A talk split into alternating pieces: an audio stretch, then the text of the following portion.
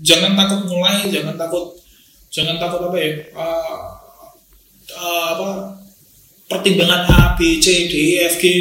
Kamu nggak bakal tahu jalannya seperti apa kalau nggak dilakuin.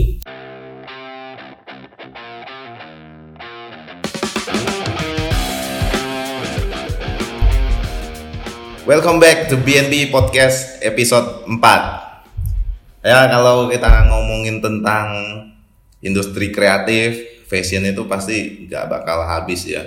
Kemarin kita sempat ngobrol dengan pelaku industri kreatif di bidang jasa, F&B, terus barbershop Nah mungkin di episode ini saya lagi ditemenin seseorang dari industri kreatif juga, tapi dia ke produk, produk yang dipakai untuk konsumen itu, yang jelas produknya berhubungan juga dengan fashion.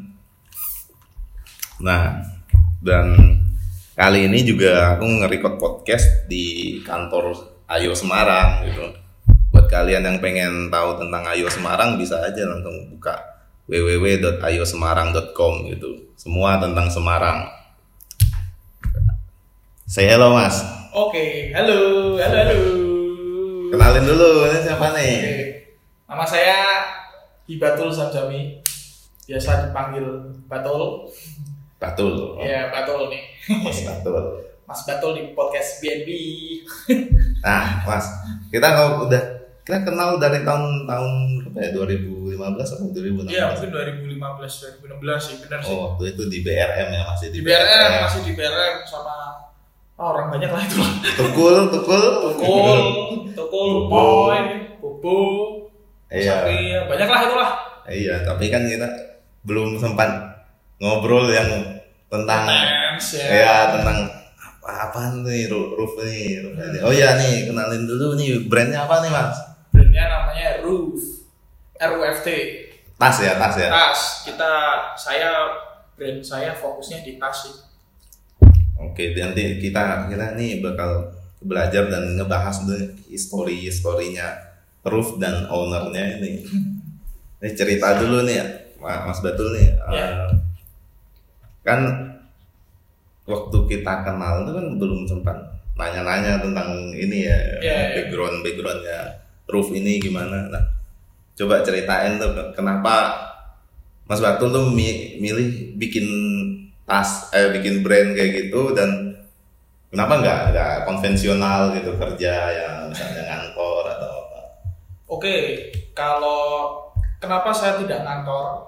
Hmm. Karena background saya itu kuliah arsitek, kuliah arsitek unika, tapi ya lulus sendiri.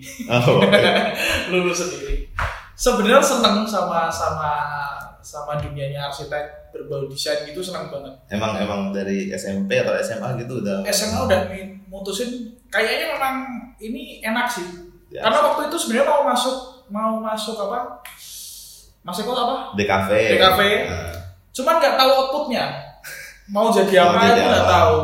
Pikiranku pasti kantoran pasti sih. Cuman cuman outputnya jadi apa nggak tahu. Taunya ternyata enak di kafe itu setelah semester lima kali ya. semester Oh, lima ya. Karena di di arsitek itu saya kalah kalah sang- sangat kalah di hitung-hitungan. nah Hitung-hitungan fisika tuh lah edan itu. sangat gila sih. Ini nggak apa-apa ya. Agak kasar gitu nggak nggak apa-apa Sampai- ngomong sampai- apa aja biar Oke. bebas ini. jadi itu itu akhirnya tapi seneng banget saya dapat ilmu main AutoCAD main 3D Max main itu Hmm. ya basic-basicnya bisa lah yang berbau ngulik-ngulik desain seneng sih dasarnya kalau dari SMA memang uh, flashback agak jauh 2000 2009 uh, waktu awal SMA awal SMA awal banget masuk SMA itu tuh saya uh, sama tiga teman saya. Sama dua orang teman saya namanya Gading sama Aji. Itu buat brand. Awal. Udah SMA udah bikin udah, brand. udah udah bikin brand. Dan itu cukup cuan sekali karena you know lah yang namanya pre-order itu pasti malai teman kamu sendiri Oh iya. iya. Kayak jual sama teman kelas. Ja- gitu. eh, jadi kalau kamu sampai sekarang pre-order tuh udah masalah. Yang penting jangan malai teman kamu. Gitu Iya. ya. Itu nggak masalah. ya. Karena itu nggak bakal itu nggak bakal numbuhin insting marketing kamu. Iya benar. Tuh, eh, itu jalan lama jalan jalan sampai 2012 kalau nggak salah. Subnya kita kerja tiga orang itu saya di marketing, teman saya ada yang di desain. Karena da- waktu itu wakom dan itu itu hal yang sangat belum belum apa belum semua orang tahu wakom. Wakom buat Iya, gambar itu. gambar itu masih gambar di scan nanti teman jadi yang desain tuh orang dua Hmm. temanku yang freehand-nya ada nah, yang gading itu freehand yang anjing itu bagian digitalisasinya Oh, coloring coloring, efek gitu. efek itu semuanya dia semua saya di marketing sebenarnya marketing tiga-tiganya marketing Hmm. cuman mungkin skill saya di marketing Ngebuka link ya sini dulu. Nah, ketika keresahan saya itu datang ketika 2011. 2011 itu lulus lulus SMA, Masuk Unika. masuk Unika. Temen saya tuh Gading tuh masuk di Stemba masih eh, bukan Stemba mah Polines Hmm. itu kan apa masih bisa kontak-kontakan lah. Hmm. Masih sangat bisa sampai sekarang masih sering ketemu. Kemarin sore masih ketemu. Si Aji ini kuliahnya di Bandung. Oh, udah jauh. ya jauh banget mau nggak mau kan wah ini nggak mungkin nih kalau ini saya sudah merasakan mencari uang lewat sini Nah, Dan ini- di industri ini ya. industri dan ini sangat indah sangat seksi sih menurutku dan memang kita main fashion tuh main gengsi kuat-kuatan kita Iya, gengsi sih modelnya itu itu nah mau nggak mau saya harus ngulik namanya Corel Draw Akhirnya belajar. akhirnya saya sama sekali waktu itu tuh nggak bisa main Corel Eh, Bayar kalau cuma buat rectangle itu tuh bisa lah ya. Cuman kalau tools-tools lainnya tuh nggak bisa. Masuk efek lah, apalah itu nggak bisa. Hmm. Mau nggak mau saya ngeliat teman-teman saya itu ngedesain ini, tanya-tanya ini gimana caranya, ini gimana caranya, gimana. Oh cuman ternyata tools yang dipakai cuma itu itu aja. Hmm. Mungkin sih Photoshop sama ya. Saya nggak nggak jeru di Photoshop. Iya, iya. Saya memang lanyahnya di Corel sih itu. Terus Corel tuh miripnya ke Adobe Illustrator. iya benar. jadinya vektor-vektor gitu Iya. lah ya. Itu memang bisa ekstensi ke situ sih. Nah, ngelihat temanku desain gitu itu, oh ternyata cuma seperti ini. Hmm. Habis itu oke, itu brand akhirnya tidak berjalan. Namanya Talon. Ta talon, Talon. tol, T O L K, T A L K. O N. tal, talon, Talon jadi talkon. jangan diterusin ya. Oh iya. Gitu ya. Soalnya kalau diterusin kamu pasti itu man. Eh, dalam, dalam hati aja ya. Iya, jangan diterusin lah. Itu memang liarnya SMA sih, maksudnya nama asal nama Dalam lehnya anak SMA ya. Iya, cuman ternyata nama itu sangat cuan waktu itu, sangat cuan, sangat cuan itu sampai pernah lah apa ya buat jaket jaket angkatan kayak studi tour studi tour gitu lupa deh kalau kalau nyampe 20 juta tuh nyampe ya waktu itu Nyampe. itu itu gila itu itu gila sih Anak-anak SMA memegang duit Iya, gitu kan. iya. Dan zaman itu semua broker. zaman itu semua broker.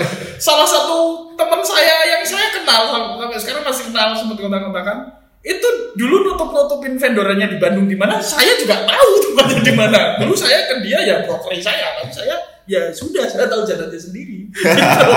jadi percuma ditutup-tutupin gitu Habis Cuan itu- banget. cuan banget habis itu apa saya 2012 itu akhir lah akhir 2012 ngerintis brand namanya Roof itu akhir itu berjalan sendiri sampai dua di 2012 sampai 2015 itu kita fokusnya masih di baju sih waktu itu Jadi Roof itu memang sebenarnya nggak ada orang yang menginspirasi gitu ya. Emang basicnya kan dari sebelumnya waktu SMA Iya. udah pernah. Hmm. ya kalau kalau yang menginspirasi apa taunya di jalan dan berjalannya waktu itu Hmm. oh ternyata kalau lokal lah kalau brand lokal ya siapa sih yang nggak tahu kayak Uncle Hmm. ya kan kalau tahu. sekarang maternal Mas Eko pernah ngomong maternal itu seperti Supreme Hmm. ya kan Iya. karena semuanya hampir dibuat dengan harga yang luar biasa nggak nggak mahal kan Iya. ya itu ya siapa sih yang nggak tahu nggak nggak tahu Uncle nggak tahu airplane nggak tahu apa ya banyak lah dulu dulu brand brand Kalau- lama dulu kan banyak kan Rockman Domi- dominate Jakarta juga dominate ya. dan akhir kalau kalau dominate gitu gitu kan mungkin tiga tahun belakangan ini Iya. kalau di awal awal ya ya ya angkel itu. Angkel sih kurang apa. Hmm. kalau saya harus kenapa memilih angkel angkel itu kurang apa sih? Toko punya. Ya sekarang jual full meter terus di angkel itu ada coffee shopnya kalau nggak salah itu adalah pondasi orang Jawa sadang pangan papan iya Iya kan? Dia udah punya si si Dani Darman tuh udah punya konsultan, konsultan rumah dibuatin rumah sampai rumahnya Doji yang buat dia lah. Itu lah kan Edan iki wong ki kurang opo ya akhirnya. Edan sih sadang mapan sih teke ya akhirnya. dijajah semua Iya ya kan? Ya itu wah ini pondasi yang Jawa gitu ya ya seenggaknya mungkin goal saya kalau sampai tua sih kalau bisa sadang mapan usaha sendiri itu ada. kayak uncle ya berarti uncle benar-benar menginspirasi kamu Iya, secara secara desainnya yang apa Swiss style ya, dia kan Hmm. Swiss style desain desain yang di, dilihat tuh enak, tapi buatnya susah. Iya. Swiss style kan seperti itu kan, susah banget dan di, bagus apa ya dan Derman memang orang desain juga nggak di TB gitu lah. Terus eh, apa ya barangnya Uncle itu terkesan mahal. Walaupun dia ngejual setnya nggak mahal. Iya. baju masih mungkin aku lupa kalau baju mungkin 120 masih ada kali ya. Ya mungkin. Apa tasnya juga bagus-bagus. Dia dia maduin warnanya bagus. Bahannya juga bahannya bagus. ya itu dia terkesan bahannya itu mahal. Eksklusif gitu Eksklusif, ya tapi dari foto pricing produk. pricingnya ya standar. Ya standar dijangkau orang sini. Iya mau kelas atas kelas bawahnya juga masih bisa beli Hmm. itu sih menurutku yang bagus salah satu yang bagus jadi uncle menginspirasimu waktu di tahun 2012 itu 2012 iya iya iya membuat Roof ID itu Ya sampai sebelum angkel kan ada namanya 347 gitu, gitu kan sebelumnya angkel. Pernah tuh waktu waktu SMA juga itu ke Kickfest Jogja itu itu bootnya emang paling anjing sih. Masih inget itu. Yang lain bootnya itu di display milih-milih dia enggak. Kita suruh ngantri lihat katalog lembaran milih yang mana ada pada ada ada kamu nunggu lama ambil stok dulu gitu wah anjing itu ya itu Mak. dari situ saya belajar banyak untuk ini ini brand sangat gimmick Hmm. tapi gimmicknya bagus bukan gimmick jelek ya Hmm. maksudnya membuat antrian panjang itu desainnya seperti Hmm. apa terus kenapa dia membuat beda di antara ya dia bagaikan laser Hmm. apa lainnya itu itu. Iya, dia beda dia beda sendiri. terus kamu milih di katalog kan anjing. Paling lupa aku. Kalau nggak salah cuma ada garis tuh lima lah. Kasir kan kasir itu ya bisa bay- uh, bayangin kasir lima.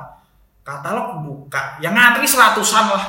Sampai ujung-ujung. Kan anjing ya. Terus barangmu barangmu stoknya nggak ada. Kan anjing dong kita dibuat psikis kita yang dimainin. Iya, iya, iya. itu sih. Itu gila sih. Dia dia hal-hal kecil seperti itu sangat memikirkan tidak cuman hard selling.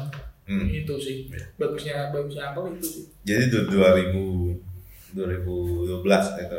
Ya Ya, itu. 2012 maksudnya udah udah tahu Apple dan dia gimana jalannya top lah. Terus karena uncle melihat referensi dari uncle ini kan kamu bikin di roof di di clothing ya waktu Iya. clothing Baju nah itu di- desain masih sendiri ya atau atau desain masih sendiri. Dan waktu itu udah mikirnya jarang main grafis. Jarang aja font lettering gitu. Font gitu-gitu. Terus kalaupun itu ada yang baju two tone Mhm. bukan yang clean gimana ya. Setahu yang waktu aku melihat itu masih dikit yang main two tone gitu-gitu. Eh, kalahnya memang saya nggak gobloknya saya sih waktu itu barang laku tidak saya repeat itu itu bodohnya saya. A- akhirnya itu jalan berapa lama di clothing? Di clothing tuh tiga tahun kalau nggak salah. Dengan nama yang sama? Dengan nama yang sama dengan eh, saya de- logo pertama. Itu logo pertama. Logo saya itu ganti logo udah dua kali nih. Berarti itu itu masih logo pertama. Logo pertama. Apa itu logo pertama? Logonya itu itu sok-sokan ini ya. Sok, kita sok-sokan histori histori itu nggak penting sih sebenarnya tahu Klo Klans Blue Plants. itu Klo Klo Klans itu civil war di Amerika awal 1900-an yang topeng doang itu loh. Topeng ini. Putih yang bantalnya orang kulit hitam hitam gitu loh. Oh. rasis banget lah itu waktu itu. Memang memang itu isu yang gede banget di di di apa? Di Amerika waktu itu. Waktu umur segitu juga bacanya seperti itu. Sudut pandang kebanyakan ya masih seneng yang ABG. Iya yang apa ya? Alah, Brutal. eh, yang bukan bukan brutal sih. Kita mencari yang anti mainstream ibaratnya. Hmm. Nah, berita-berita yang side stream lah ibaratnya gitu gitu nah kebetulan Prof itu tadinya orang tiga. Nah, orang tiga. Nah logonya tuh saya nggak bawa contohnya ya logonya itu kayak topengnya Klo Klo Clans. Ada tiga. Ada tiga. ada tiga. Nah kayak ini jari gini kan Nah, pasti yang ini tinggi yang jari tengah itu tinggi. Nah, ini teman saya ini teman saya saya tengah. Nah. karena badan saya paling gede. Gitu. Nah, pokoknya akhirnya kayak bentuk gunung-gunung gitu lah Iya, iya.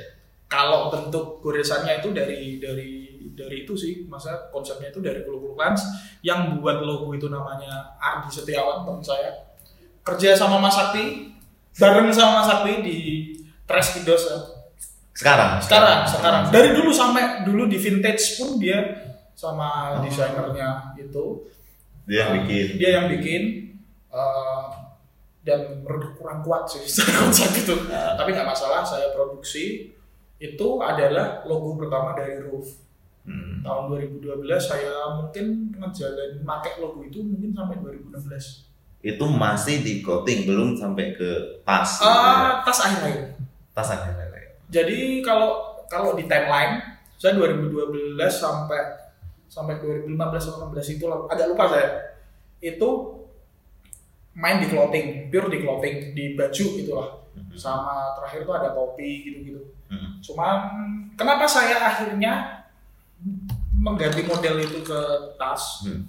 Nah, itu kenapa? nah itu asik sih itu itu karena ya kalau namanya usaha itu memang harus peka ibaratnya gini kalau ki- saya tidak bisa mendesain grafis font lettering apa pun itu dengan bagus saya nggak bisa Hmm. mentok saya tuh desain apa sih desain flat art gitu gitu kan gampang ya itu lah Iya. itu itulah ya. paling gitulah memang ya saya tahu skill saya sampai di situ sedangkan flat art kayak gitu tuh bisa diterapin di clothing di grafisnya cuman Biasa. kadang jadinya biasa Hmm. itu sedangkan yang main clothing tambah dan Makin tahun makin banyak. makin lama pasti. makin banyak Iya. Dengan Sekarang- modal yang yang gila-gilaan Iya, juga. Iya, contoh aja sih teman-teman kita sih Cupcake, si Oldman, si Plankton, si Prigel. Mungkin sekarang masih ada lagi Fratelli atau apa pun Uppercase, itu. uppercase semua. Uppercase gitu-gitu. Itu kan dia entah dia membayar desainer atau dia punya tim desain sendiri, dia bisa bisa bermain di sana. Hmm. Iya. Eh, saya belum bisa loyal di sana karena secara modal saya kalah sama mereka. Rata-rata mereka udah punya toko sudah berani uh, apa namanya uh, uh, open public ibaratnya kayak dia di clothing fest clothing fest gitu Iya. masuk-masuk seperti itu. Itu yang yang jadi kalah. Lah gimana yang menurut saya kalau saya lakuin agak gila nih saya. Nah, ya secara uang yang saya keluarkan pun mungkin muternya nggak secepat itu kecuali saya balik lagi ke 2009 nodongin teman saya jualan saya nggak gitulah harusnya nggak seperti itu itu nah habis itu saya melihat seneng waktu itu apa ya melihat di sub lifestyle itu apa yang saya bisa fokus hmm, hmm. kalau vendoran clothing saudara saya Mas Sakti itu itu memang punya vendoran Hmm. ya makanya saya oh saya bisa nih gini gini enak nih.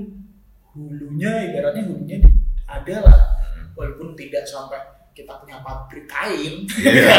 ya kan? Seenggaknya dia punya produksi. Hmm. HPP bisa dipres untung bisa lebih ya kan? Nah itu kelihatan banget. Enak juga ya punya kayak gini. Dia cara gimana caranya tuh saya punya tempat produksi. Tadinya saya mau invest ke itu ke tempat saudara saya.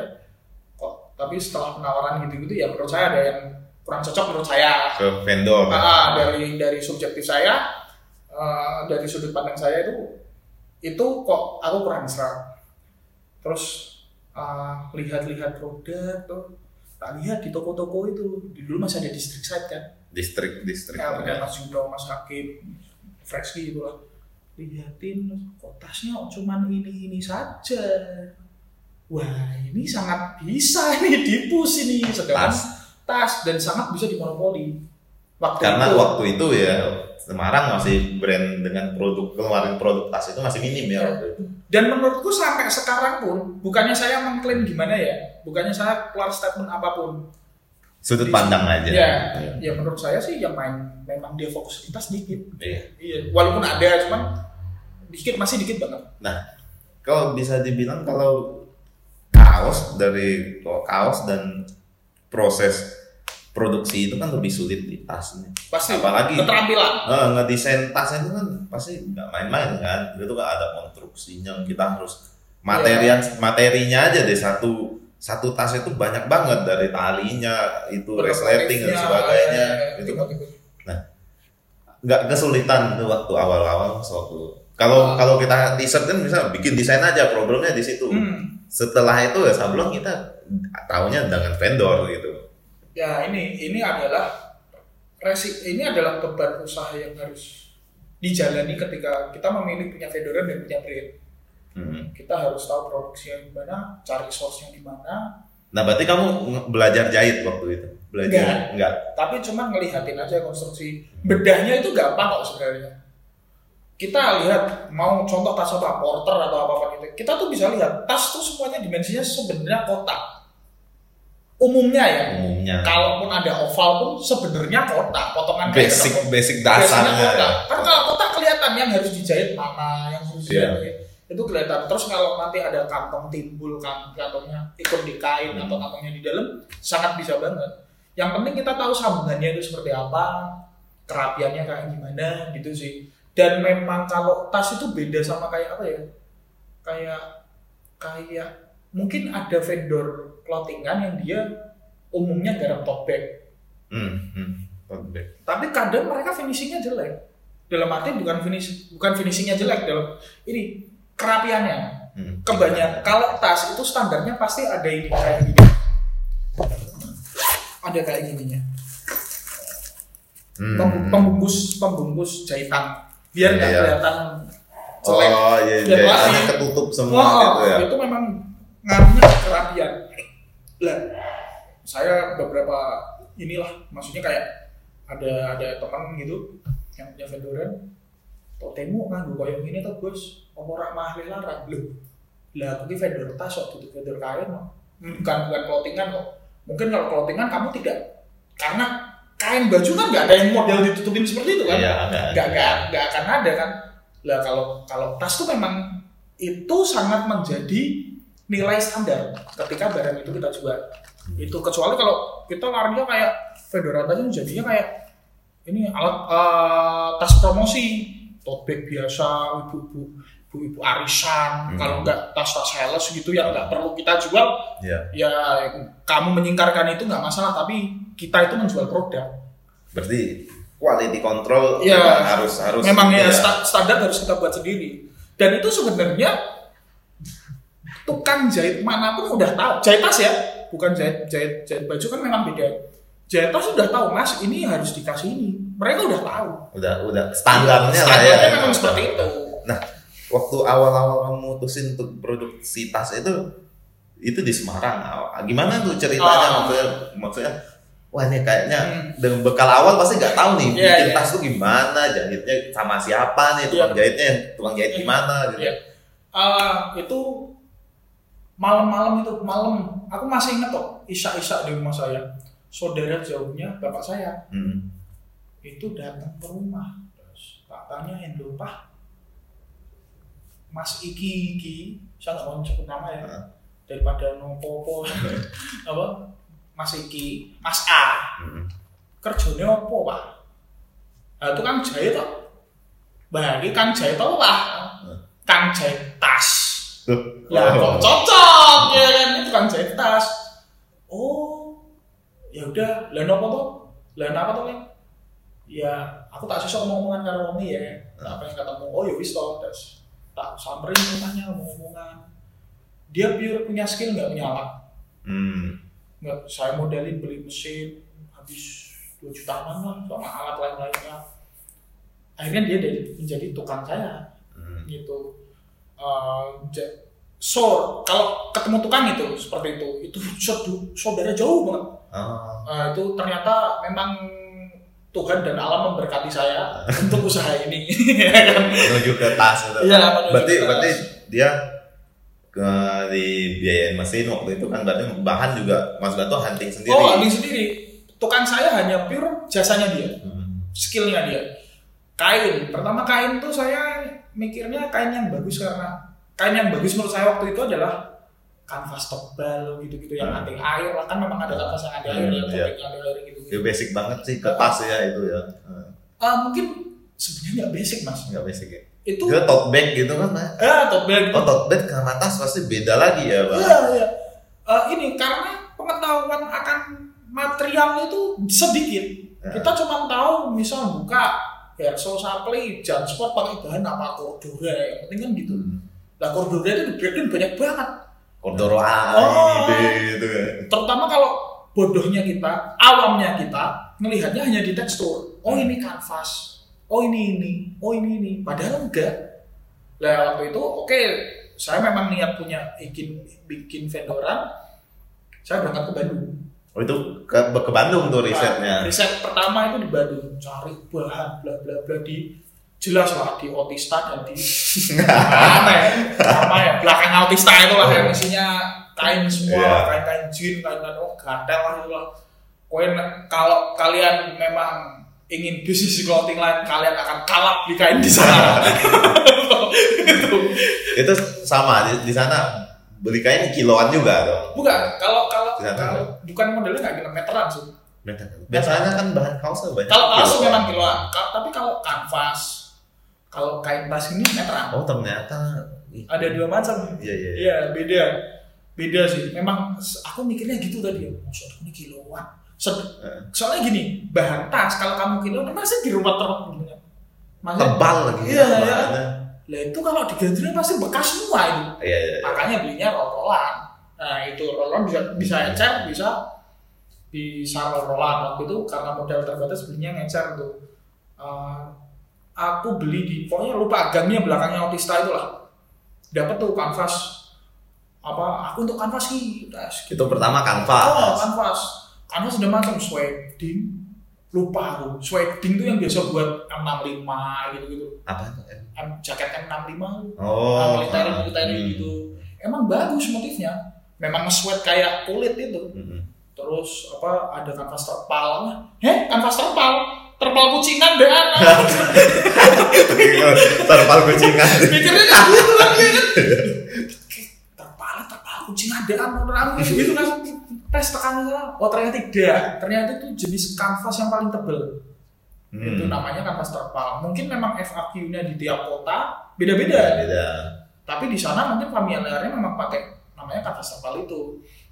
Beli itu tebel mahal itu mas. Itu kain kalau nggak salah Kanvas terpal itu yang kayak baju tentara yang ada garis-garisnya oh, bukan sih? bukan. Itu ripstop Oh itu oh. ripstop ripstop itu pasti kotak-kotak. Ah ya ada kotak-kotak Nah, ya, tapi bukan, benang. kanvas terpal itu ya kanvas biasa cuman tebel tebel bakoh sih itu kanvas. Bisa eh, ini. Drill kan bukan. bukan bukan. Tahu tasnya ini? Artetik. Ah, artetik. nah motifnya kayak gitu. Oh, itu kanvas yang terus dia di coating sendiri nah itu mahal. Itu kain untuk saya kain semeter itu harga 60 sampai 70 itu mahal banget. Tahun 2014-an. Pak eh, lah. 16. mahal. Sampai sekarang pun saya kalau cari bahan untuk tas harga di atas 50 nggak masuk akal. Karena saya nggak jual harga sampai segitu. Iya, iya. walaupun oke nih bagus gini-gini lah. Aku tujuannya larang makanya kan kita kita harus memperbandingkan itulah. Iya. nggak semena-mena kita kasih yuk semua pasti produk bagus. Hmm. cuman kan sesuai sesuai HPP kita lah kenapa kita menjual segitu kenapa itulah. Terus pertama udah dapet di situ. Pindah ke toko lagi. Lupa di Otista agak tuh ujungan lah tuh 500 berapa lah itu rukonya lah. Ujung lah itu. Lah itu pure khusus untuk bahan tas tokonya waktu itu. Wah itu Itu- kalah bener. Itu di, di temenin sama teman di Batu. Tengah yang ngaji itu temenin itu. Yang di toko pertama itu oh Tamim jalannya. Yang pertama itu di jalan Tamim itu itu pure memang buat buat aparel sih toko kainnya memang Ah. aparel bukan bukan spesifikasi untuk bahan, bahan plastik Hmm. bahan kain plastik itu enggak itu pure masuk aparel bisa celana bisa banyak lah itu lah ya terus beda hari gitu lah pokoknya itu memang anjing sih Bandung anjing sih. Hujan naik motor vario otok-otok. Dangan mau kain cok balik balik itu saya kehujanan itu. Berapa kali tapi ya mau nggak mau lah saya saya itu kan buat riset saya juga kan. Ke toko toko yang kedua itu. Saya tanya wah Cordura ini. Kira atau saya tak boleh kan Cordura ada di sini ada yang jual Cordura tapi mahal banget dan warnanya dikit di Semarang ya. Di Semarang paling itu ada lima warna enam warna di Bandung itu ada sampai belasan warnanya. Hmm. memang anu sih aku, ka- makanya aku nggak heran vendoran Bandung tuh nyari bahan untuk warna ya. Hmm. dia udah menang duluan. Variasi mereka banyak warnanya udah banget. dia udah menang duluan. Ras ras ras. Jangan berdua tengok ini orang kayak kalau bisa gini gini rano ini Semarang ini. Ras aku tuh kurang nggak punya duit kan? Maksudnya nggak ada anggaran untuk itulah. Ras sudah saya beli namanya kanvas Jepang. Kanvas Jepang motifnya bagus sih. Ya kan itu motifnya so oh motif-motif kanvas Jepang mas. Dia ngomongin oh yo wis lah beli lah berapa meter. Tapi memang nggak bangkok gampang bradul gitu loh. Hmm. tapi memang itu motif banget. Maksudnya teksturnya itu, itu ya. bagus. Keren lah nah ya. keren nah. Habis itu ini eh, tanya sama yang punya toko cik ini kain kayak gini datangnya dari Cina dan nah, ngomong gitu enggak tuh mas ngapain mas? Dari Cina. Wah langsung oh iya Tangerang dan pabrik-pabrik mikirnya Tangerang gitu Iya. lah ini mas saya hujan-hujan seminggu di sana keluar duit banyak. Awalnya saya diaperkan Mike Tyson nih Nah, gimana kayaknya dari Semarang mas cocote Jepit, "Malah itu, ya Allah Gusti ya ya Allah Gusti. Loh, Cik, saya tuh dari Semarang. Loh ngapain mah nyari kain nyari kain sama sini? Lah nggak ada di Semarang apa nih. Ya saya ngambilnya di pabrik Semarang ya mas. Oh. Oh pabriknya di Semarang. Nah, dan ternyata saya akhir-akhir ini tuh bulan-bulan ini lah akhir bulan ini ketemu sama teman-teman vendoran. Ada teman vendoran itu yang dia ngomong memang beberapa pabrik itu tuh mas pabriknya di Semarang. Yang ngarang tuh pabrik di Ungaran di ini apa industri Semarang Barat kawasan kawasan industri. Semarang Barat itu apa memang kainnya di situ-situ nah pabriknya kalau kayak kita mau beli ecer di pabrik itu nggak bisa. Pabrik nggak bakal beli ceran nggak bakal. Itu beliau cross cross wah berapa hari? Ratus roh bola puluhan roh lah pasti. Nah yang aku ternyata memang di Semarang menurutku eh, kapasitas kapasitas untuk ki- kita memang meng-create produk lebih unik itu susah. Karena pabriknya sendiri ternyata sales marketingnya di Bandung oh Lah, marketingnya itu di Bandung. Dia kalaupun orang Semarang mau beli langsung dikontaknya di Bandung. Harus lewat sana dulu Mas karena kayak inilah kayak mungkin kita jadi distributor fans gitu. hmm. Walaupun kita ngontak sampai Amerika, Iya, iya. udah kenal harusnya dua fans sak keluarga nih. Eh, Tapi dia ngomong, ya yang di Semarang yang punya toko ini, yang ngurusin penjualan ini, ya kita harus ngontak itu.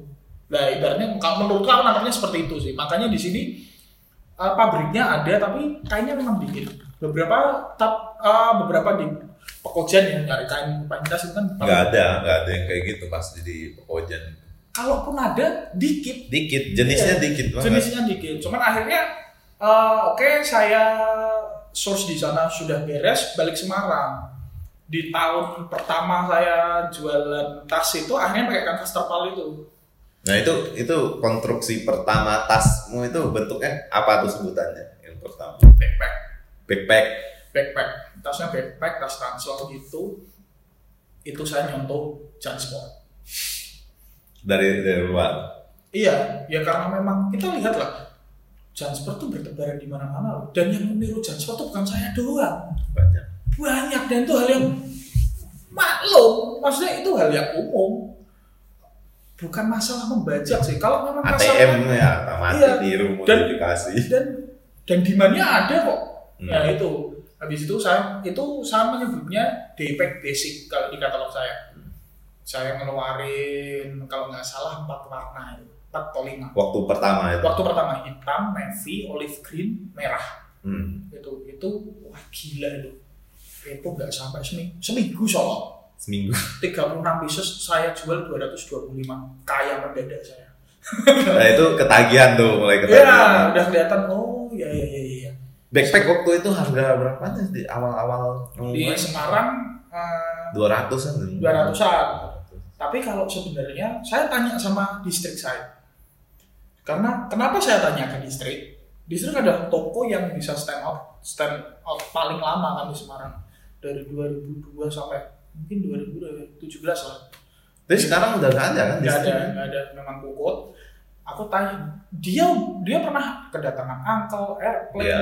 it banyak lah maternal lah apalah becer lah. Lah dia pasti kan dia lebih pintar lah. Saya, saya menganggap dia memang lebih pintar pasti lah pengalaman itu.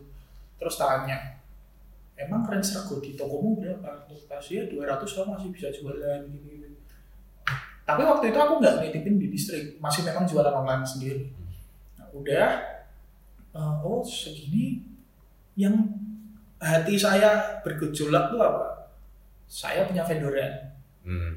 saya tahu HPP berapa Hmm. saya jual segitu segitu harga segitu tuh menurut saya kemahalan Tadi saya terlalu banyak. Loh kan, kan Sebenarnya nggak apa-apa. Ya. Nggak apa-apa, nggak apa-apa. Cuman kayaknya bukan pasar yang ingin tak pegang. Hmm. Karena ada pasar yang lebih bawah, lebih lebih masif. Itu sih. Lah akhirnya saya turun harga ke harga 185. Kenceng juga, jual kenceng juga. Eh, lama kelamaan aku mikir gimana cak.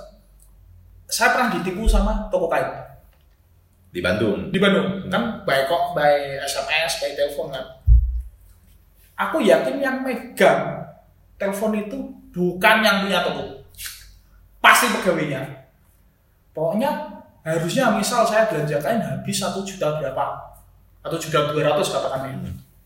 itu tuh gobloknya saya juga. Ada pasti ada salahnya saya. Saya nggak cross check itu bisa habisnya jadi sa- satu juta empat ratus orang atau saya udah kayak itu tahu tahu tuh kak tiga bulan setelah itu ya aku mau belanja sidik tuh waktu itu belanja dikit lah. Ya kok hitungannya sama ini? Lu ki ngapus sih toko nih baru habis itu bu harusnya so- habisnya segini gini gini gini oh iya mas maaf saya salah ngitung. Salah ngitung apa yang terusan ya nanti wah gateli wah gateli Ah, Les. itu ganti habis itu uh, sebenarnya saya nggak masalah maksudnya Hmm. dia juga tahu kalau dia tricky ya. Biar dapat untung lebih pak. Wajar lah. Hmm. Pedagang habis itu eh, ngejual eh, mikirnya saya mikirnya gimana caranya harga saya bisa lebih turun. Saya malah nggak naikin harga nurunin harga. harga? karena pasar yang saya pegang bukan pasar kelas itu. Eh, harus berarti kan yang harus dioprek gitu kan yang harus di breakdown lagi kan bahan. Bahan. Tukang gitu gitu pasti udah udah ada harga pasti. Gitu ya ya untuk tukang saya tuh udah ada udah ada harga pasti bahan akhirnya dapat bahan cordura gitu dapat. Itu lebih untuk mungkin tiga tahun belakangan atau dua tahun belakangan itu saya udah beli kain roll rollan Hmm. udah nyetok harganya lebih murah bahannya bagus udah ada hati airnya. Udah ada coatingnya lah. Kalau kan kanvas itu kan pasti nggak nggak nggak nggak nggak ada air. Iya. itu Nah, dari situ baru kita ngembangin kain udah dapat nih. Kain sos sos sos, sos itu udah dapat oke tinggal ngembangin ngebanyakin katalog. Katalog, branding, branding gitu itu. Itu sih kalau kalau kalau di awal project saya pertama itu di backpack. Di backpack dan mulai berapa produk itu akhirnya saya merubah logo Oh, sampai udah jalan berarti roof roof dengan tas produksi tas itu udah sempat pakai logo lama juga ya kan awal-awal katalog awal mungkin tiga tipe tas awal itu saya masih pakai logo lama. Terus saya mikir kurang menjual kalau di di, Hmm, di, dijadiin kayak Tidak gitu.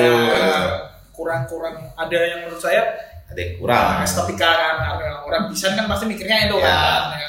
Yang ada yang apalagi tas kan maksudnya nggak kita nggak bisa ngasih grafik yang sablon sablon Nah. mau gak mau cuma logo biasanya. Logo kalaupun nggak mau resiko di bordir Hmm, lebih iya. lebih aman emblem patch gitu ya Iya. Habis itu saya karena saya tuh tenang no, Gusti Allah tuh apa ya mungkin usaha saya itu di circle teman-teman deket lah Hmm. sampai saudara saya saya butuh desain saya lari ke Mas Sakti Oh, itu Mas Sakti lagi Mas Sakti tuh. itu yang itu kayaknya cukup banyak membantu lah dia ganti apa saya ngajuin desain apa buat desain dia minta briefnya kayak gimana dia ngasih tiga opsi. Saya pengennya kan nggak yang gunung-gunung kan karena mikir saya waktu itu dia lista saya harus bisa urban dan adventure mikirnya. Adventure diwakilin dengan gunung. Siluet gunung itu kan sangat menjual. Ya kan siluet gunung itu sangat menjual. Terus yang urbannya yang bingung. Ada apa siluet kota terus kompas gitu gitulah Wah itu berbanding jauh. oh berbanding jauh. Kan tak pikir eh karena saya pengen nembak pasang adventure dan urban. Itu tes. Dikasih tiga opsi itu satu gunung tapi saya antipati waktu itu. Walaupun bagus desainnya. Gunung masa itu juga nekso yo joki karena gue kerah pengen ini niru-niru banget. Bukan niru-niru banget logo gunung itu udah ba- banyak dipakai Iya. kan itu. Udah umum banget. udah umum. Gunung oh mas saya tak dulu emang ngapain gunungnya mas? Ya akhirnya saya pakai pakai yang gunung saya sekarang itu Nah, yang di rumah ini kan. Di Ya, ya. ini, ini. Ya itu akhirnya sampai sekarang. Maksudnya masih masih masih di dipakai sampai sekarang. Dan lebih lebih menjual bentuk gitu gitu ya itu sih kalau di awal-awal sampai source punya vendoran sih seperti itu Jadi sampai sekarang sampai sekarang eh, ini ya bergerak dengan fokusnya di tas ya Pro Hmm. ID ini. Dan, dan kalau awalnya backpack, makin ke sini kan makin banyak tuh variasi-variasi tas lagi yang kayak iya apa tuh namanya sling bag sling bag, waist bag gitu. uh, uh, pouch Mm-mm. banyak bucket akhirnya pun saya ini saya ini apa namanya belajar juga jualan tas itu timeline timeline banget di kalender udah bisa kamu pastikan kamu harus membuat backpack di bulan apa kamu harus nyetok sling bag di bulan apa itu sebenarnya bisa kelihatan kayak contoh Backpack tuh pasti mau mau sekolah mau sekolah mau sekolah ya. gitu itu pasti laku terus sama mungkin Natal liburan Jan- Hmm. apa Desember akhir sampai Januari awal Iya, iya. gitu backpack laku Eh, memang penjualan saya secara segi keuntungan paling enak di backpack karena pasti harga jualnya lebih mahal Hmm, cuman ternyata kalau kita sikat per tiap bulan nih Gak ya, bisa ya. eh, iya kita agak naif sih ngomong ngomong apa ya bisa gini gini ya satu tapi nggak dihitung kayak, jual satu nggak dihitung kan? ya ternyata di bulan-bulan seperti itu kita harus buat produk yang lebih lebih umum lebih lebih lebih fleksibel Lebih kekinian ya, ya. iya akhirnya sampai sekarang saya ketagihannya buatnya tas yang di bawah 5 liter Yang kecil-kecil. kecil-kecil sling bag, waist bag, tote bag Karena sellingnya mungkin bagus ya. paling bagus sekarang. karena sampai hari ini pun barang ini saya barusan restock produk udah habis di stok saya udah habis di di, di platform di Birgel masih ada Eh, di stok saya masih habis itu sampai sekarang masih ada yang nanyain mas warna ini masih ada nggak warna ini masih ada ya nunggu seminggu ya ya akhirnya banyak sih yang mau nunggu seminggu Kalau tak amatin dari dua tahun setahun belakangan nih ya, tas-tas yang waist bag kayak gitu tuh memang lagi Hype sih. hype banget. Banget sih. Karena ini enaknya kita bermain tas salah satunya eh, tidak ada klaim-klaiman bentuk. Ini punya siapa, ini punya siapa Nah, enggak. iya, maksudnya ada. Kalau siluet itu gak ada Enggak ada. patennya. Nah. Kalau sepatu mungkin ada ya. Sepatu mungkin Kasusnya begini. Ya, Vans. Ya, Vans, Nike ya. Converse. Ya gitu kan banyak lah. Si kalau tas itu ya memang kamu ngeklaim dimensi, Hmm. Konyol kamu bangun rumah diklaim. Dan kalau kalau gitu aku main di rumah kamu nih apa Demi style, Denmark style, Hmm. Nah, kowe karo Denmark diklaim gelem kowe. Ayo. ya nggak mungkin dimensi menurutku nggak bisa di dipatenkan sih. Oh, berarti sebenarnya kalau orang bilang membangun eh, membuat sebuah tas itu misalnya hal paling sulit itu pasti konstruksinya ya. Gitu. pasti pasti Nge-skate ini kan. Iya, ternyata ternyata itu ju- justru malah jadi faktor yang paling mudahnya ya karena Iya. ref- kita bisa ambil dari referensi Hmm. gitu. kita cuman ya itu amati tiru dan modifikasi itu sangat hal yang wajar di tas contoh lah hampir semua brand Indonesia itu meniru porter bentuk ya kantong dua di depan resleting utama di tengah itu pasti dan kamu jualin itu pasti laku nggak mungkin. Enggak udah itu pasti laku karena di sini tanya porter keren porter keren porter memang porter keren. Saya akui ya kan mahal juga kan. Eh, itu formula yang ibaratnya kayak laku sih di di di, di bukan Semarang di di Indonesia eh, meniru itu tuh sangat sangat umum. Bukan berarti kita nggak kreatif. Ya kamu mikir juga lah. Kan tas itu banyak detail Iya. jahitan pun detail semua Yang kecil-kecil lagi. kecil-kecil belum lagi dalamnya dalamnya furingnya kamu akalin kompartemennya bisa dapat apa aja terus kamu mungkin bisa ada gantungan-gantungan dalamnya nggak bisa diklaim itu sebagai kita membaca kita remove nggak bisa itu tetap kita mengcreate walaupun ya orang desain kan tetap kita nyari nih Pinterest lah Iya. apalah dribble lah nyari Referensi. referensi Dan wajar Sekarang orisinil lah Wah. susah. apain gambar-gambar seperti itu menurutku hari ini nggak penting Hmm. nggak penting toh yang klaim kayak gitu. toh yang akhirnya produk kita bisa berjalan lama enggak, apa enggak tuh bukan idealisme kita masalah kayak gitu barang kita laku apa enggak Hmm. kan di- Sekarang kalau kita nge-create bener-bener ini dimensi dihitung bener-bener Ah, dan sebagainya. ya, Tapi gak ada yang beli ya sama percuma. juga. Bener. saya juga belajar itu waktu waktu belajar itu buat daypack versi 2 saya bagus sih. Dan ternyata di Indonesia yang meniru seperti itu banyak. Namanya tuh saya ambil referensi dari Topo Design. Hmm. San Francisco Amerika. Emang bagus banget. Backpacknya tuh bagus. Saya yakin barang ini pasti laku kalau saya jual saya tapi ubah dalemannya ubah bentuk jahitan bawahnya gitu itu saya ubah. Tapi memang main main produknya seperti itu. Tapi detail-detailnya ah, utamanya. Hmm, saya saya ubah lah. Udah. Awal-awal kencang akhir-akhir ternyata orang orang Semarang nggak doyan produk seperti itu. Produk yang lebih enak dilihat atau apa pun itu kan maksudnya itu kan perspektif kita ya, Ya. Secara bentuknya lebih keren, Keren. lebih bagus itu. Ternyata pasal saya nggak bakal bisa nyamain saya itu nggak bakal bisa ternyata yang laku memang yang gam yang yes Yang iya. banyak, yang, ya. ya, yang kayak jansport gitu-gitu Yang pasaran. Ya, pasar tinggal kamu tambah tambah apa lah detail mungkin ada tablernya, laptopnya sampai berapa laptop sekarang 16 inci ada nggak sih? Mungkin ada ya, ya, mungkin dimensinya digedein, terus strap talinya diapain gitu gitu lah.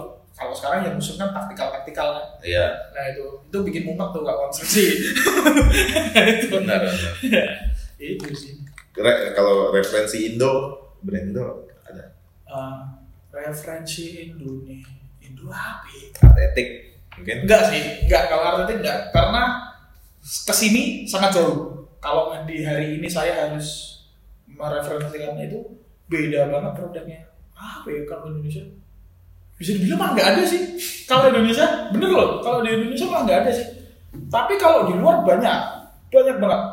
Apa namanya? Si Wild Things Japan, terus si Topo, terus si Porter, terus ada Goodsback Ukraina, berantah. terus uh, apa lagi ya ukon akrobatik Belanda atau apa banyak lah itu kalau bingung cek di karyologi.com aja lah ya. Nah, ini dikasih tahu ya. itu gak sampai pelit lah. Nanti kamu muat sendiri lintasnya. Soalnya akhirnya ke sini pun tukang saya ganti. Oh, udah, udah, udah, udah. ganti juga. Dari yang pertama dari awal. yang pertama. Memang tukang kan seperti itu. Turnover kan pasti ada lah itu tadinya saya idealis masalah produksi itu saya harus bisa gini gini gini. Tapi capek juga ngomongin tukang kalau nggak bisa. Iya kan urusan Iya. SDM itu kan paling susah paling bikin mati lah. Makanya ya aktivis HAM kamu gila semua. Ngurusi kayak gitu gitu luar biasa. Nah apa karena akhirnya saya harus menyesuaikan ke tukang saya. Tapi bagaimana bentuknya masih fancy. Iya. masih layak dijual dan saya nggak pengen tas yang ribet akhirnya lihat aja kalaupun yang ribet dilihat nih detail keribetannya Gimana? seperti apa ya kalau bisa diakali kali aja gitu-gitu lah. Terus saya pasti keterbatasan jenis mesin kan. Kan mahal invest di mesin kan gila. Eh, eh, banyak lagi ya Iya, lebih banyak lagi. Nah, saya akhirnya nyesuaiin di tukang, saya saya ngomong pasti kalau produksi sama lagi produksi produk baru itu saya pasti rebukan sama tukang. Hmm. Nah, saya gini gini gini gini gini, gini. oh iya mas iso iso digarap gini gini dan tukang tuh ada dua tipe. Kalau tukang cetas ya itu ada dua tipe. Yang bisa melihat gambar sama harus ada bentuk fisiknya. Hmm. tukang saya yang terakhir ini cukup lama nih sama saya sama dia cukup lama. Masih berjalan enak sih. Dia tuh tadinya nggak bisa melihat gambar. Harus ada barang harus ada bahan ya saya saya mau nyesuaiin dia. Saya harus beli sampel gitu itu nggak masalah. Udah tak pikir-pikir jajalah. Tak kayak aku buat gambar kerja kan apa potongan lah apa gitu gitu saya gambar semua saya print semua. Saya jelasin pelan-pelan ke tukang saya dan ternyata akhirnya dia bisa. Pelan-pelan dia bisa. Ya itu sih. Kali ya kak menurutku memang triggernya pelan-pelan sih. Nggak bisa langsung kita ngeyel harus gini nggak bisa. Karena memang tukang tas itu lebih berpikir sih menurutku sambungannya ngakalin nutupin itunya Hmm. itu itunya tuh lebih tricky ketika ya, ya bukannya saya menganggap enteng vendor jahit jahit ya jahit jahit apa oh, jaket kaos bukannya gitu cuman emang beda. Emang beda case nya emang beda itu sih. So far ya tapi enak sih main tas. Gitu. Ya, udah udah udah tahu hasilnya. Udah tahu hasilnya bener sih. Ber- da- dari sampai sekarang udah gak mau jalan ke maksudnya ke yang lain lagi. Oh sempat ya kemarin sempat, sempat sempat. baju baju sempat lagi. Iya tahun lalu sih. Oh, tahun lalu Ya, itu eh ternyata memang keresahan saya itu terbukti pasti kalau buat baju. Pasti terbukti. Maksudnya penjualan seret lah gitu gitulah sampai akhirnya barang saya soal aja lebaran bulan lalu. Mampu mau tahun ini lah dari tahun lalu loh itu. Hmm. nah, itu lah ternyata memang ins- untuk saya memang mending daripada saya ngabisin duit ya dan di situ mending saya puterin lain lah. Tapi akhir ini saya pengen ini sih ngembangin tetap tetap apa? Di tas produk bukan bukan di tas malah pengen di baju lah. Pengen sih cuman tidak yang menjual grafis. Itu sangat pengen banget. Berarti kayak ya bisa bilang kayak flanel gitu mungkin ya? Bukan. Aku malah di kaos kaos tapi kaos polos gitu sih. Oh cuman bagaimana? label aja gitu. Label cuman harus nyari ini sih masih nyari apa? Sos kain yang enak gimana gitu gitu sih. Tukang juga harus nyari. Tukang udah ada sih. Kalau vendor itu udah ada ya teman itu maksudnya kondek gila sih itu. Itu udah bagus sih. Ceritanya Hmm. udah bagus banget. Eh, tinggal ini kita nyari sos bahan itu nah ini belum tahu nih saya mau jualan ini kapan. Soalnya saya yakin bisa jualan itu. Cuman kok itu belum 100% saya bisa iya kan kalau hati saya untuk itu tuh belum bisa Iya. Setelah ini ini kan tadi kita bahas tentang apa namanya produksi dan bahan dan sebagainya untuk branding di Instagram dan sebagainya kerjain sendiri juga dari awal. jadi sampai sekarang Fotografi gitu. foto kalau foto produk sama teman dibantu teman Hmm. dibantu teman Eh, kalau editing gitu itu pegang sendiri Photoshop. pastilah. Enggak sih Corel sih. Tetap di Corel Tetap di Corel. Tetap di Ngeri. cuman nanti kalau tone gitu itu ya ada di Photoshop ada di Lightroom kan kalau cuman foto produk itu masih gampang. Hmm. tapi nggak nggak separah harus merubah semuanya sih kalau warna itu. Yang penting kan background itu enak dilihat atau gimana lah itu itulah. Dan memang kalau di branding di Instagram jatuhnya memang kita melihat referensi imagery lah kalau Indonesia. Oh iya kalau kalau lokal imagery Imagery. imagery bag wah itu top itu gila sih. Salah satu brand Ini di mana? Di mana tuh? Bandung. Bandung apa Jakarta rumah. Kelihatannya Bandung sih. Produknya bagus-bagus bahannya bagus branding Instagramnya bagus konten fotonya bagus. Gila sih itu. Harganya bagus juga ya. Lumayan. Cuman untuk imagery kamu membeli tas tote bag seharga 400 ribu menurutku worth it Worth it. worth it Worth it kenapa tuh? Karena dia rapi semuanya atau tapi bahannya memang bahan mahal gitu. bahannya mungkin bisa diakali kalau bahan saya melihat semuanya sih dari Brandingnya. brandingnya dari dia konsep tasnya dari foto produknya dari apa kenapa dia akhirnya menjual sampai harga segitu itu tuh paket yang menurutku cocok sih cocok banget dijual harga segitu. Dan ternyata teman saya ada yang beli. Saya mau beli aja. Aduh. Gitu kan. Terus tak lihat tuh. Ya memang layak sih dijual segitu. Hmm. memang memang terkenal terkesan mahalnya itu cocok lah menurutku. Kita beli tote bag harga 300 400 ribu. Linky Major itu bagus sih. Bagus banget. Dan desainnya memang Jepang-Jepang gitu. Hmm. walaupun Jepang emang pasti tasnya unik-unik ya. iya unik-unik. Pasti sih apa sih apa si punya nih gue Human Man Human made Iya, ya, human dulu made. betting app. ya itu berarti Human Man tuh juga gila sih gila Dia sih. unik sih brandingnya. Iya, ya dia masih gimana cara produknya harus ada grafisnya sih. Nah, emang. Idealis di grafis taruh di tas itu agak susah soalnya. Ya, Bagus sih. Gitu. itu dari awal sampai sampai sekarang Hmm. berarti gitu ya. Ya. Proof itu Hmm. kalau misalnya buat ngebangun untuk untuk mau ngebangun brand itu apa aja sih kebutuhan pertama? Pertama duit. Duit ya. Pertama duit, tapi duit itu caranya gampang. Kamu punya motor, kamu sekolahkan, kamu dapat duit. Kalau enggak, kamu malahi orang tua kamu. itu bisa. Yang jelas modal itu harus ada. Kedua itu eh, apa ya? Ya memang ini sih. Kita harus ngulik sih. Nggak bisa kita puas dengan satu vendoran. Kalau kalau kamu ini ya hanya produksinya dilepas vendoran ya. Hmm.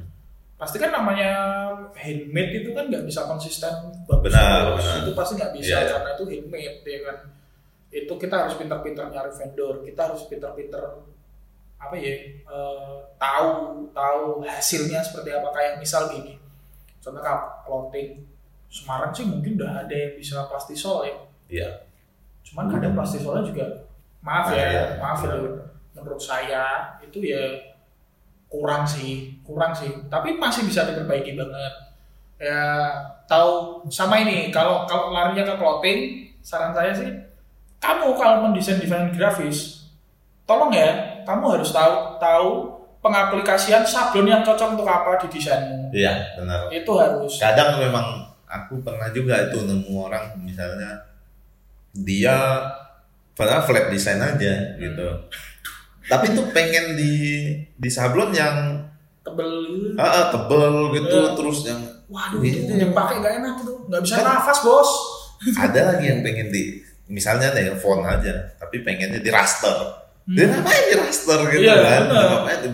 bisa kan biasa kalau orang raster kan kebutuhannya sablonnya foto gitu Bener, ya kan yang gitu. realis gitu Nah, itu wajar. Nah, eh, kalau clothingan itulah, maksudnya kalau buat clothing, apa pun deh, kalau buat tas pun cari nyamannya. Produk itu harus nyaman.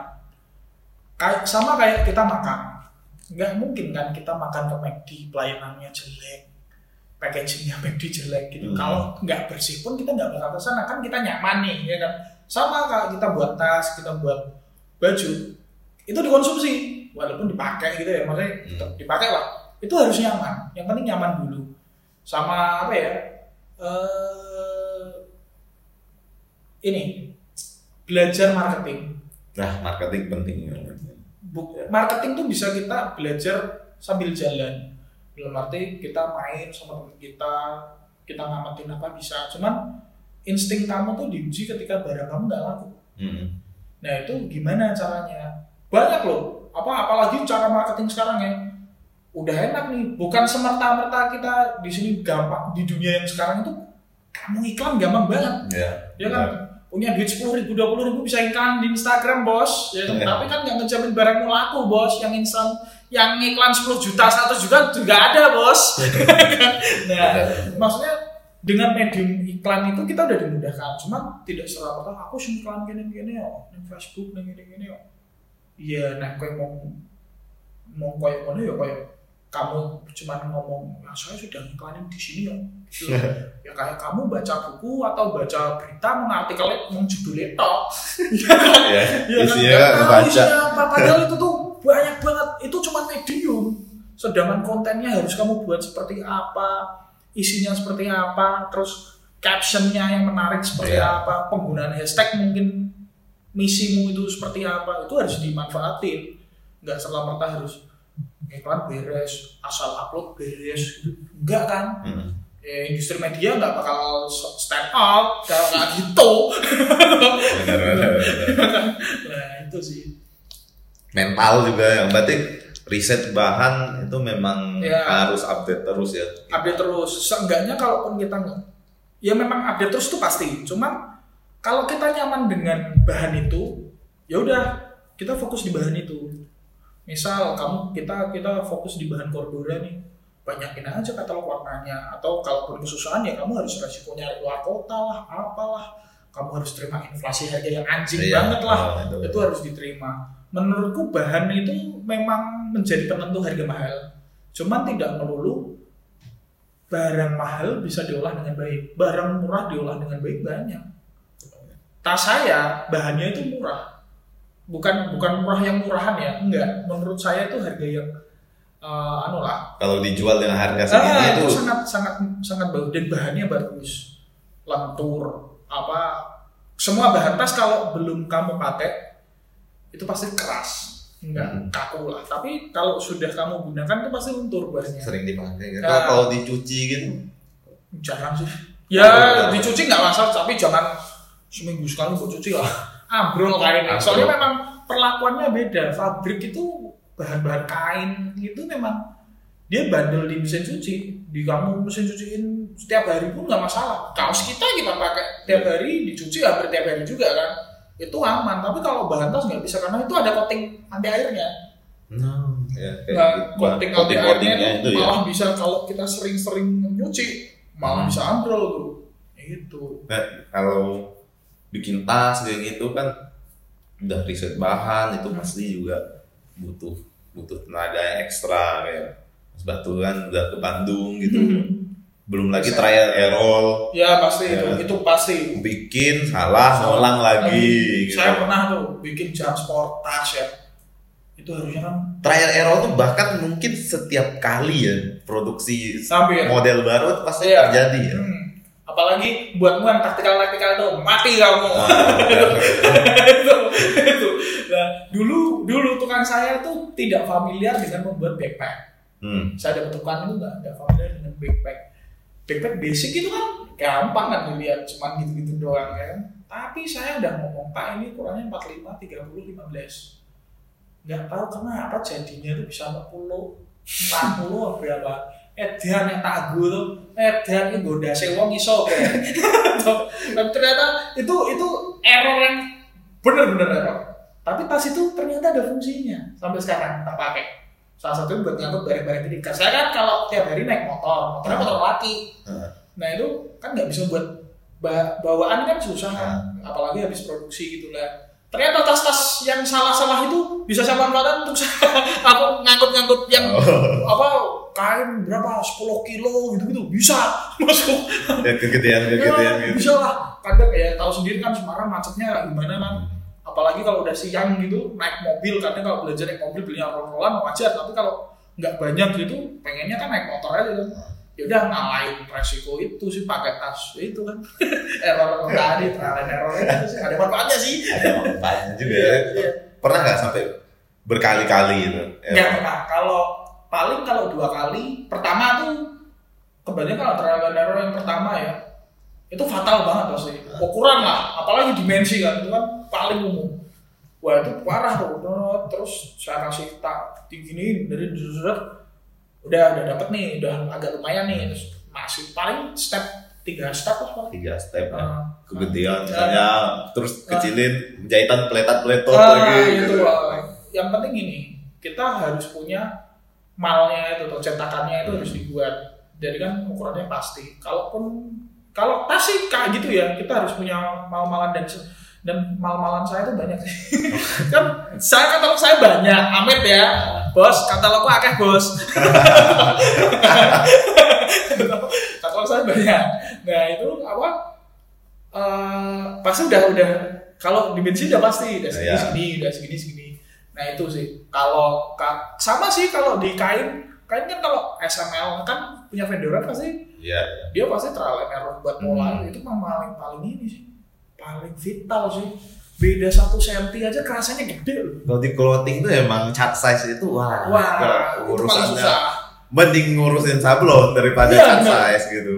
nyarinya ke kenyamanan Hmm, ya kan? iya, sedangkan kita kita buat size chart nggak bisa juga. Hmm, Iya benar. ya kan?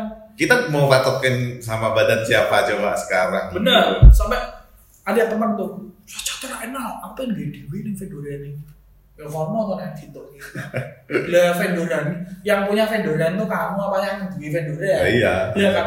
Yang pasti itu ke mana yang punya Fedora. Pun kalau kamu mau revisi kan malnya itu kamu tinggal nambah kurang berapa. Gak bisa kamu. Maksudnya kamu mungkin boleh buat dari nol. Aku pengen buat salah dewi.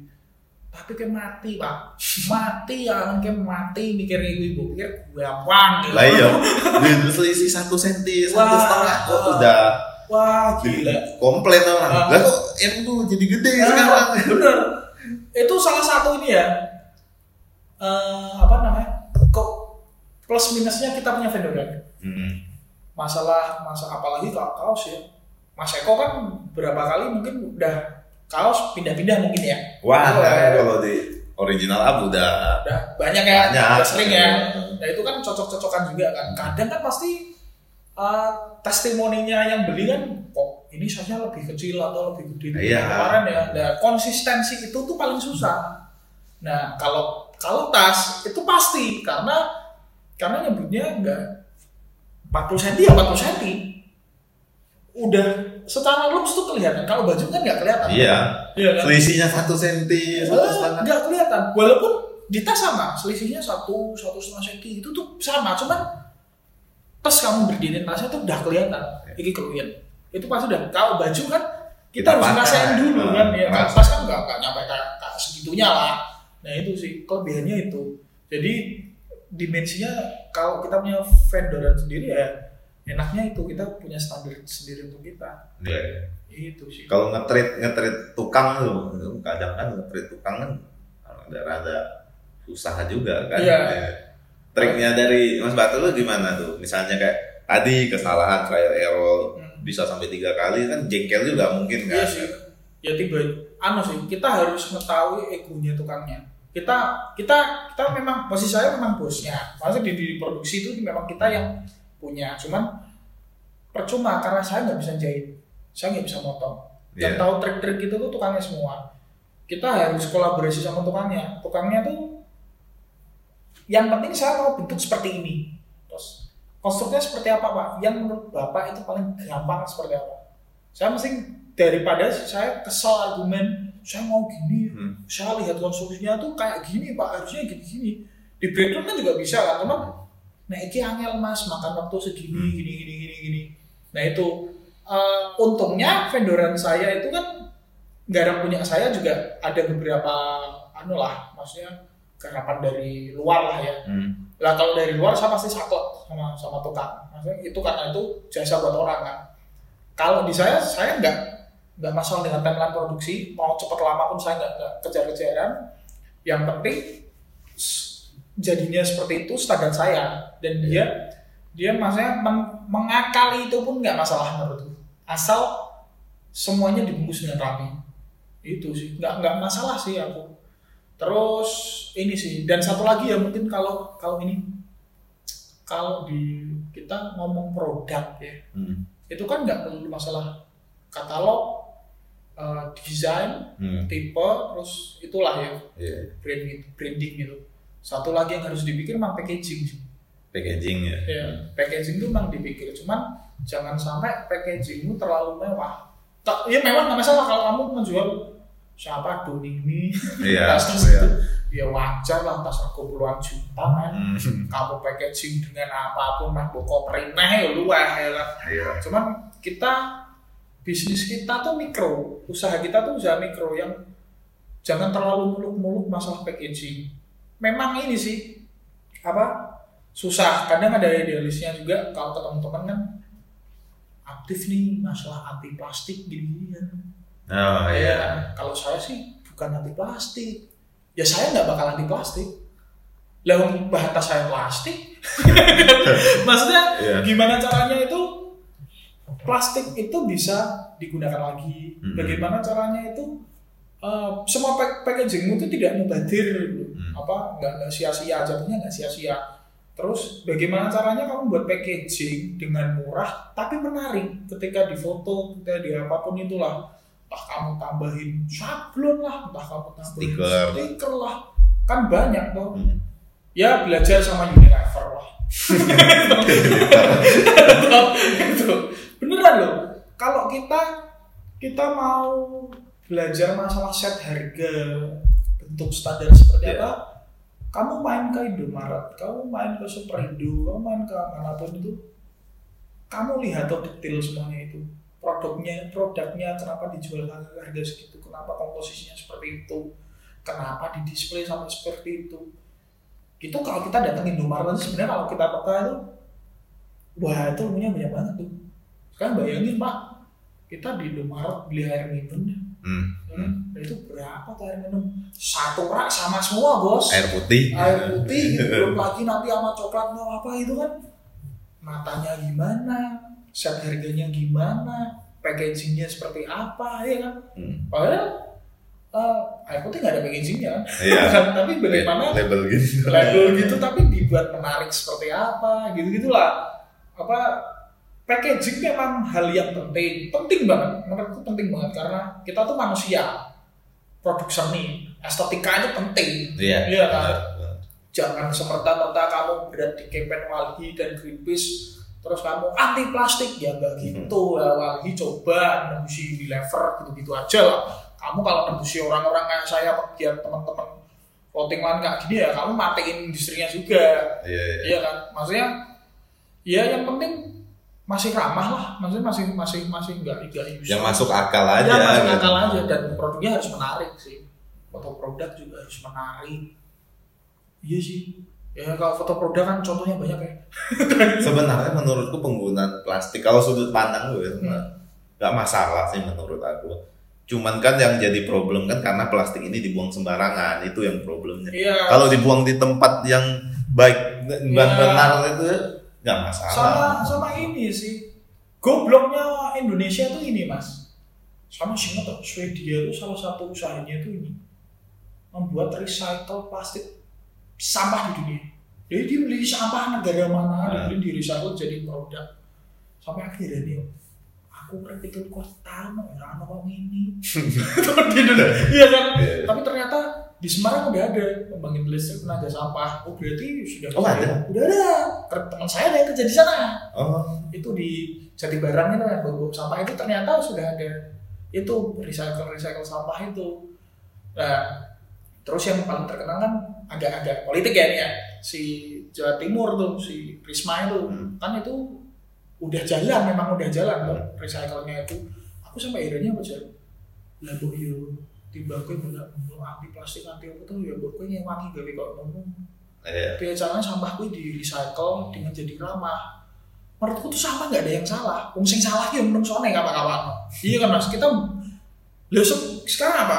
Es kopi jadi sama semua kan Iya. ya maksudnya kan kita nggak bakal nyalain industri es kopi kan Iya. maksudnya bagaimana caranya yang salah tuh menurutku negara itu tidak tidak menyediakan recycle itu yang layak Benar. dan tidak menyuruhkan itu menjadi lahan usaha yang luar biasa. Padahal beberapa di daerah di Jateng lah teman-temanku ada yang KKN gitu tuh.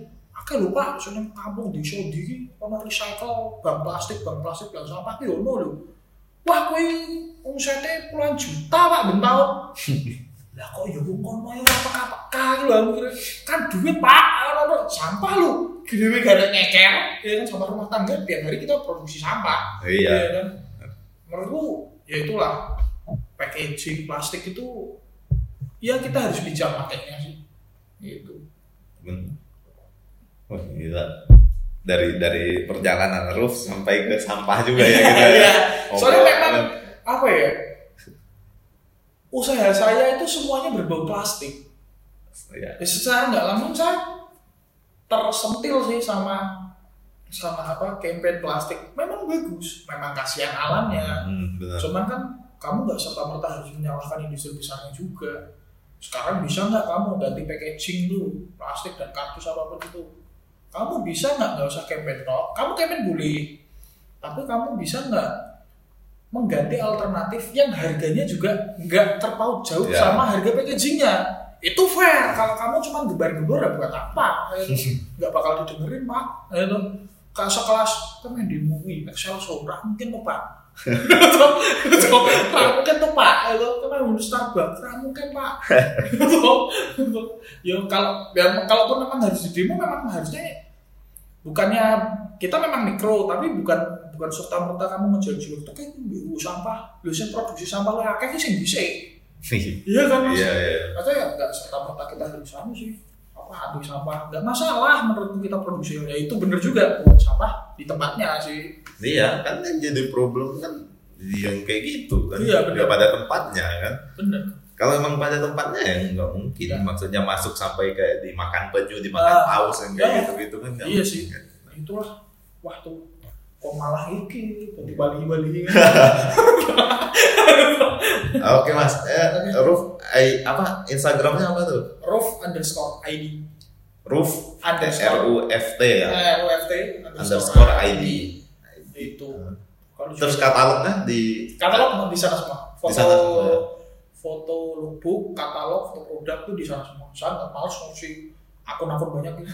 Marketplace udah ma- masuk Tokped atau? Eh, Shopee ada cuman nggak nggak aktif. Yang ter- terakhir tuh ditawarin gila sama Blibli. Eh, sampai enak loh Blibli itu. Jadi ada admin yang memang ini. Dia aware sama kita. Eh, mau ikut promo nggak pak? Mau ikut ini nggak? Display gini-gini. Sampai dia tuh nawarin foto produk. Gitu. Cuman servisnya luar biasa. Jarum luar biasa Blibli, oh iya Blibli jalan ada jarum sana. luar biasa Oh, itu ikut udah ada di udah udah ada cuman ya belum. nggak ada penjualan sih Hmm. saya eh, kalau anu produk saya tuh bisa didapat di offline store kita maksudnya ke tempat saya bisa Iya. buy buy online bisa Ya di Semarang di mana aja tuh titiknya? Ah, kalau kalau offline itu pesan di saya di roof bisa di plankton bisa di pergil bisa Oh, Plankton sama Prigel, Prigel Ah. Tenggalang ya.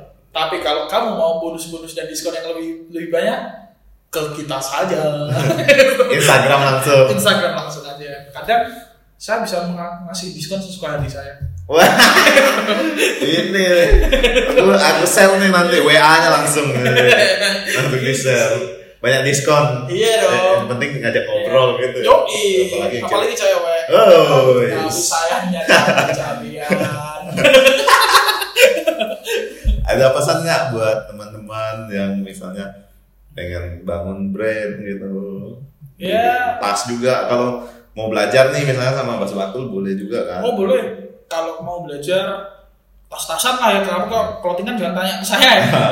kalau saya bisa lah. Saya seneng banget sih kalau ketemu orang baru sharing gitu-gitu sama.